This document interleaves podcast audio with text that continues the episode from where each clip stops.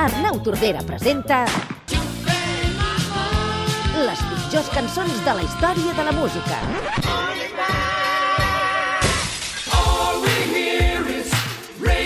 Rabiosa,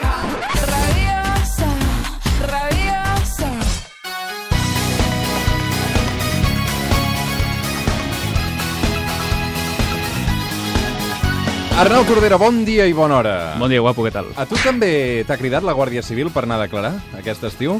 Home, diverses vegades, sí, sí. Diverses vegades, sobretot després de sortir de fer aquesta secció, perquè és curiós que encara et deixin entrar a Catalunya Ràdio. Sí, no, a veure, tinc certes dificultats, però sóc rebut amb grans aplaudiments, eh, també. L'Arnau Tordera aquest estiu es dedica a analitzar les pitjors cançons de la història de la música, però ho fa amb l'ajuda dels oients. Queda una setmana encara perquè envieu les vostres propostes. Si voleu compartir les pitjors cançons de la història de la música, escriviu-nos a suplement arroba catradio.cat facebook.com barra el suplement i twitter.com barra el suplement. Les pitjors cançons de la història de la música.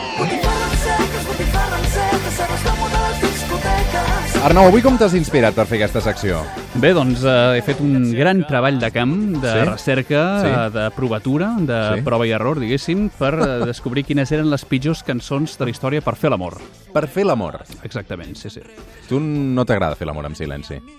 Sí, no, jo faig l'amor amb, absolut, amb absolut silenci. Jo no suporto que soni música mentre s'està fent una cosa més important. I les teves pròpies composicions? No t'agrada sentir-te tu mentre practiques la còpula? Eh, el meu narcisisme no ha arribat a l'extrem. Home, déu-n'hi-do fins on arriba el teu narcisisme, Arnau. efecte, però no sobrepassa aquest, uh, aquest moment de que jo mateix estigui gaudint a mi mateix des d'aquest punt de vista. No, aquí no s'hi arriba, no. Per tant, eh, a l'hora de fer sexe, tu amb silenci, Sí, exactament. però hi han llistes musicals que has trobat a través de Spotify, no? En efecte, uh, he fet una recerca també exhaustiva i el senyor, el senyor Daniel Musenfen, un psicòleg musical, va revisar les llistes Psicòleg musical. Això, això deia. Aquest És un- concepte està bé. És un, No el coneixia encara. Una disciplina que fins ara tampoc jo sabia que existia, però en tot cas hi ha gran inventiva per aquest tipus de, de feina. Una forta abraçada a tots els psicòlegs musicals que ens escolten a aquesta hora. I tant, i tant. Bé, la qüestió és que el bon home va fer una recerca per les llistes de Spotify de temàtica carnal, diguéssim, Sí. i a través d'aquí va crear una enquesta per seleccionar les 20 millors peces per fer l'amor, i jo precisament d'aquestes 20 he escollit les 20 pitjors. 20 peces, eh, si, reprodueixes tota la playlist, no arribes al final. Deixa'm que t'ho expliqui. Això, Si és en una sola còpula, no arribes al final. això cadascú té els seus tempos. És que això no... No, a veure, un moment, un moment, un moment. O sigui, 20 peces. Posem de mitjana 4 minuts per peça, Uh -huh. 80 minuts... No sé, no sé què estàs acostumat, Tornau. Bé, no, jo crec que si un parell de reproduccions seguides s'hi podrien fer, no? Per Un parell de reproduccions, està bé. Bé, la qüestió és que anem directament a una de les pitjors peces per fer l'amor d'aquesta llista.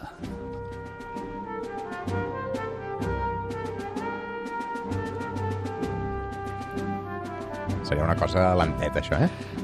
Sí, resulta que en aquesta misteriosa llista apareixia com una de les peces més seleccionades al Bolero de Ravel, ni més ni menys. Això és pels homes clàssics.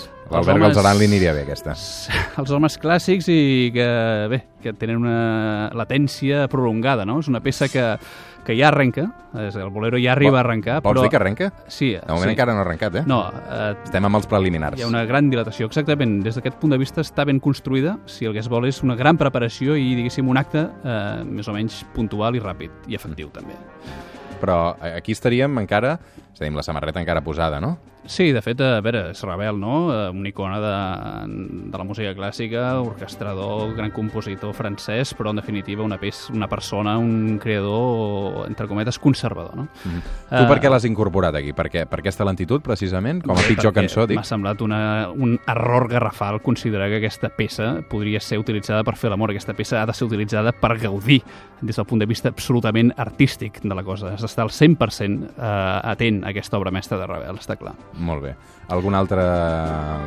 Dic, alguna altra cançó que... Sí, home, i tant. Seguim amb una peça que m'ha cridat molt l'atenció d'aquesta llista. Mamma mia, here I go again. My, my, how can I resist you? Home, aquí sí que la cosa acabaria bastant ràpid, eh? Uh, sí, jo vaig quedar absolutament garrativat davant d'aquesta d'aquesta cançó, Mamma Mia, d'Ava. No sé quina mena de ment perversa pot escoltar una peça que va dient Mamma Mia mentre està amb les mans de la feina, no? Mira, mira que jo sóc un devot de les parafílies més desconcertants i mai, absolutament mai havia considerat una cosa, una cosa d'aquesta tipologia, no? O sigui, em sembla una parafília que sobrepassa tots els límits. I aquest senyor que ha fet aquesta playlist, eh, d'on- ha sortit? Bé, doncs, eh, si tu busques en llistes de reproducció amb temàtica carnal, eh, Sex Music. Sex exemple, Music. Sex Music a l'Spotify tens Són llargues cerques llistes. que habitualment no faig, però... No, i jo tampoc, però m'han comentat que si ho busques apareixen llargues llistes de, de temes, entre els quals doncs, aquests destaquen especialment. També destaca, sorprenentment, aquesta peça.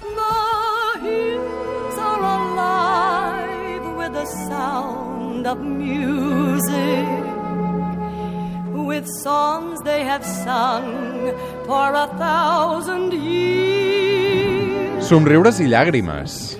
Sí, The Sound of Music, i tant que sí. Aquesta, aquesta obra absolutament colossal de la història de, del teatre musical, no? Eh, quina mena de malalt escolta això també per fer l'amor, és a dir, sorprenent, això són, són angelets, no? És a dir, com pots estar penetrant o sent penetrat amb això de fons? No sé, em sembla, em sembla també d'una malaltia greu, no sé, francament. Doncs va, anem per una cosa més explícita. Sex bomb, sex bomb. You're a sex bomb. You can give it to me when I need to come along. Tom Jones, el tigre de Gales, forma part de la llista de cançons per fer l'amor, no és gaire original, la veritat. No ho és, però en aquest cas l'he seleccionat perquè estem davant d'un equívoc, un equívoc absolut, no? És a dir, estem parlant d'aquesta sex bomb, no? Això és com està... eh, Posar aquesta peça mentre estàs practicant l'acte sexual és una banalitat, tal com eh, posar el We Are the Champions mentre estàs jugant la Champions, no? És eh, donar- donar-se per victoriós abans d'aconseguir cap mena de resultat, no?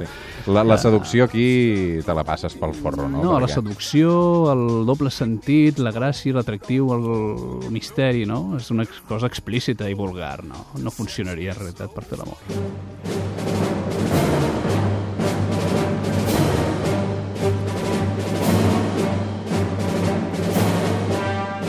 Amb Star Wars, m'estàs dient Això sembla, Roger. que hi ha gent que es posa al llit amb Star Wars? Estem envoltats de gent molt misteriosa, és a dir, no sé què practica exactament la gent, però eh, la marxa imperial eh, ocupava un dels llocs preeminents dins d'aquesta llista també, sí, sí. Escriviu-nos, dieu-nos amb quines cançons vosaltres us enlliteu, o si, com l'Arnau Tordera, ho feu en silenci, o escoltant obeses.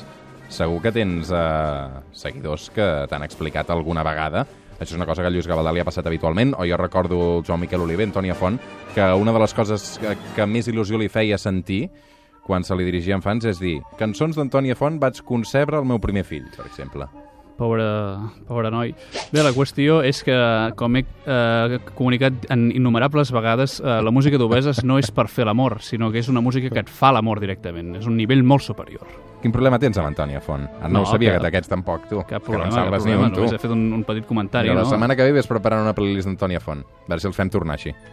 Eh, no crec que estiguin massa per la labor, diguéssim. Ah, el Joan Miquel Oliver està fent una gira que no te l'acabes aquest estiu, eh? No com tu, que estàs de braços creuats. Ell sí, perquè és una estrella ill- illenca, diguéssim, sí, sí, sí. Sí, sí. No, una, una abraçada i tant. Tu estàs treballant, no, aquest estiu, Arnau? Bé, jo estic investigant, estic eh, concorrent als camins de la creació, i tant que sí. I com van els camins de la creació? Bé, tortuosos, estic devastat com a ésser humà, però precisament... Tens una crisi de creativitat? Això mai, però quan un vol assaborir l'Olimp també ha de passar per les tenebres, i em trobo precisament aquí. És a dir, estàs composant el nou disc d'Obeses i estàs en aquell moment en què t'ha de venir la inspiració. Sí, en definitiva és una cosa similar a aquesta, però perquè em vingui la, in la inspiració jo utilitzo una tècnica que és devastar-me com a ésser humà, és a dir, arribar al subsol més eh, recòndit de l'existència i a partir d'aquest eh, sentiment desastrós doncs un pot anar finalment eh, cavalcant cap al cim. Molt bé, doncs esperem que el cim sigui lleu i que hi pugis aviat. Esperem-ho. Gràcies, Arnau. Fins la setmana que ve.